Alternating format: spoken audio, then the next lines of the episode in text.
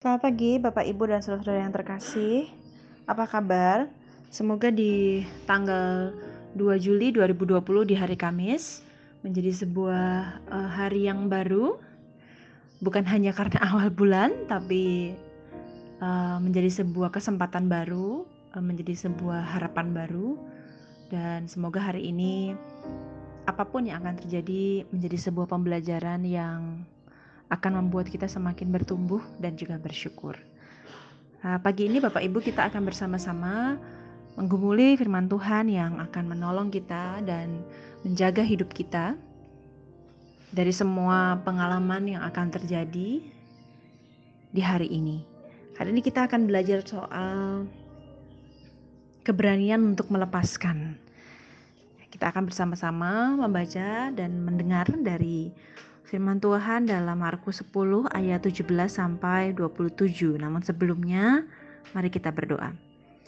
Kami bersyukur untuk setiap nafas yang masih Tuhan percayakan untuk kami hirup dan kami lepaskan. Kami bersyukur untuk setiap aliran darah yang masih bekerja dan juga sendi-sendi serta seluruh otot yang masih menempel dalam tubuh kami. Kami bersyukur untuk setiap kaki yang masih boleh bergerak melangkah tanpa kes, uh, kesulitan dan kami bersyukur untuk semua hal yang tak mampu kami adakan sendiri untuk kami bertahan hidup. Kami menghayati bahwa semua itu datangnya daripada Tuhan. Oleh karena itu berikanlah kami ketenangan untuk boleh mendengar sabda Tuhan yang menolong dan menyertai kami. Demi Kristus Yesus. Amin. Bapak Ibu saya akan membacakan Markus 10 ayat 17 sampai 27. Pada waktu Yesus berangkat untuk meneruskan perjalanannya, datanglah seorang berlari-lari mendapatkan dia dan sambil bertelut di hadapannya ia bertanya, "Guru yang baik, apa yang harus keperbuat untuk memperoleh hidup yang kekal?" Jawab Yesus, "Mengapa kau katakan aku baik? Tak seorang pun yang baik selain daripada Allah saja. Engkau tentu mengetahui segala perintah Allah. Jangan membunuh, jangan berzina, Jangan mencuri, jangan mengucapkan saksi dusta. Jangan mengurangi hak orang, hormatilah ayahmu dan ibumu. Lalu kata orang itu kepadanya, Guru, semuanya itu telah kuturuti sejak masa mudaku. Tetapi Yesus memandang dia dan menaruh kasih kepadanya lalu berkata kepadanya, Hanya satu lagi kekuranganmu. Pergilah, jualah apa yang kau miliki dan berikanlah itu kepada orang-orang miskin maka engkau akan beroleh harta di sorga. Kemudian datanglah kemari dan ikutlah aku. Mendengar perkataan itu, ia menjadi kecewa, lalu pergi dengan sedih, sebab banyak hartanya. Lalu Yesus memandang murid-muridnya di sekelilingnya dan berkata kepada mereka, Alangkah sukarnya orang yang beruang masuk ke dalam kerajaan Allah.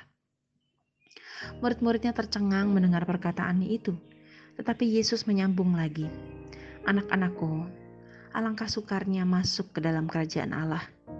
Lebih mudah seekor unta melewati lubang jarum daripada seorang kaya masuk ke dalam kerajaan Allah."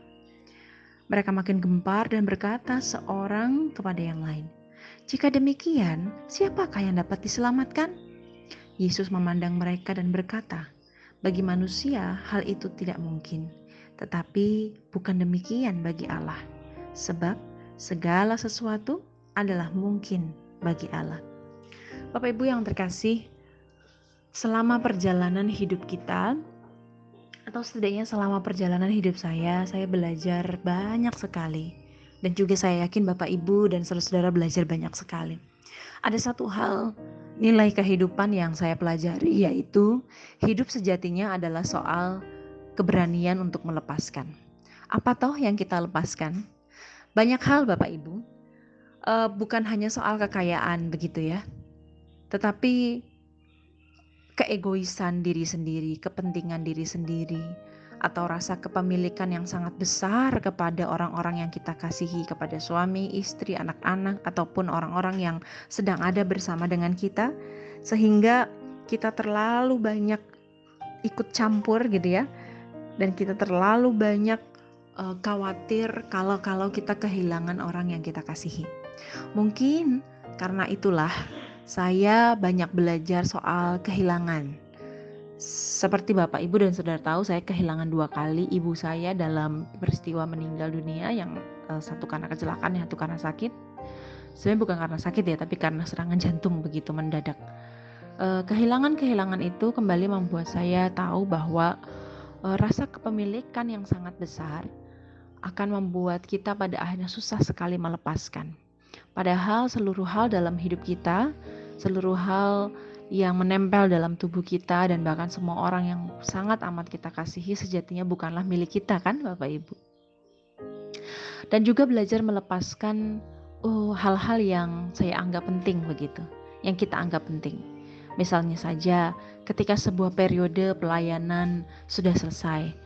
Mungkin saja di antara kita pernah mengalami kesulitan untuk melepaskan, melepaskan jabatan tertentu, melepaskan uh, apa namanya uh, sebuah peran begitu melepaskan eh, hal-hal yang biasanya membuat kita nyaman dan aman sekalipun hal-hal itu baik Nah, Bapak Ibu, koreksi batin seperti itulah yang akan membuat kita senantiasa sadar bahwa sebenarnya tak ada yang bisa kita miliki di dunia ini.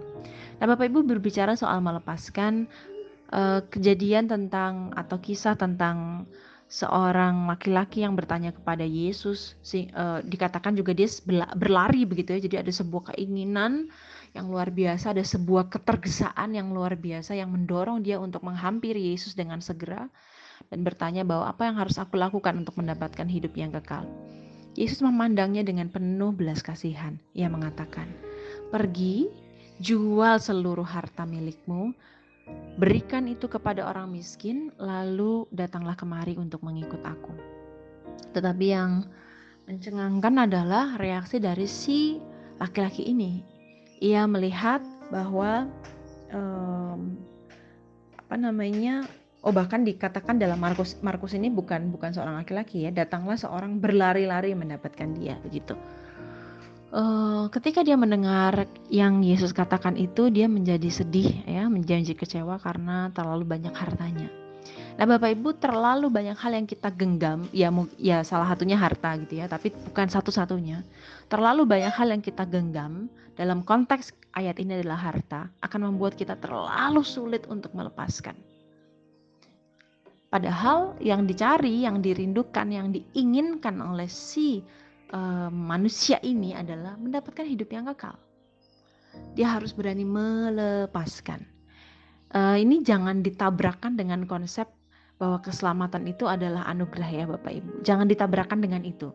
Kerajaan Allah ini bukan hanya bicara soal sorga yang nanti akan kita atau yang akan orang ini uh, apa namanya temui dan hidupi setelah ia mati, setelah kita mati Kerajaan sorga adalah di mana pun, kapan pun, bukan hanya soal teritori, ya, bukan hanya soal tempat, bukan hanya soal nanti, tapi soal saat ini, soal kapan pun dan di mana pun Allah meraja. Misalnya, di rumah kita adalah kerajaan Allah, karena di rumah kita adalah tempat di mana Allah meraja. Di mana Allah meraja, maka setiap orang tunduk dan takluk kepada Allah dan bukan kepada manusia dan kepada dirinya sendiri. Jadi, pengertian kerajaan Allah tidak sesempit dan tidak uh, selama yang kita pikir begitu ya. Dalam kehidupan kita kita bisa menikmati sebuah suasana kerajaan Allah di mana kita sangat bergantung kepada Allah. Karena di situlah Allah meraja. Dan di tempat atau di kondisi seperti itulah kita berani melepaskan semuanya. Bahkan melepaskan yang paling kita anggap penting di dunia ini. Bahkan mungkin saja setiap hari adalah sebuah kesempatan untuk kita berani melepaskan nafas kita, ya kan? Karena kita tidak tahu apakah kita akan hidup sampai di akhir hari ini. Setiap nafas yang kita lepaskan adalah sebuah keberanian untuk kita bahkan menyerahkan nyawa kita kepada Allah hari ini dan hari-hari selanjutnya. Nah, Bapak Ibu yang terkasih, teks ini kiranya semakin membuat kita berani untuk terus menggemakan sebuah pertanyaan apa yang paling penting dalam hidup kita. Kalau itu bukan Allah, beranikah kita melepaskannya supaya kita betul-betul mendapatkan Allah gitu ya, bukan mendapatkan Allah tapi betul-betul merasakan hidup bersama dengan Allah tanpa sebuah ikatan-ikatan yang membuat kita sulit sekali melepaskan. Entah itu harta, posisi, jabatan pelayanan begitu, uh, pengaruh begitu atau apa pun lah yang yang yang mungkin saja kita anggap baik. Hati-hati Bapak Ibu. Uh, kecermatan untuk melihat hal-hal yang baik itu sangat diperlukan karena bisa saja hal yang baik itu justru menjadi hal yang tidak baik kalau kita menggenggamnya terlalu erat. Lepaskanlah setiap orang yang mungkin kita genggam terlalu erat. Anak kita mungkin, atau pasangan kita mungkin, atau orang-orang kita kasihi yang lain, mereka pun adalah milik Allah. Kita pun adalah milik Allah. Maka terjadilah apa yang baik menurut Allah, bukan apa yang kita anggap baik. Bukan berarti kita nggak boleh menyayangi. Jangan diartikan begitu Bapak Ibu. Bukan berarti kita tidak boleh menjaga. Bukan. Tapi hati-hatilah kalau kita menggenggam mereka, menggenggam hal-hal itu terlalu erat. Maka kita tidak bisa merasakan hidup di dalam sebuah suasana di mana Allah meraja. Mari kita berdoa. Ya Allah berikanlah kami semua hikmat di hari ini untuk berani melepaskan hal-hal yang terlalu kami genggam dengan erat apa pun itu. Mimpi kami, keinginan kami, motivasi kami yang terdalam, orang-orang yang kami kasihi dan terlalu kami lindungi sampai membuat kami lupa dan tidak sadar bahwa Allah lah yang melindungi mereka.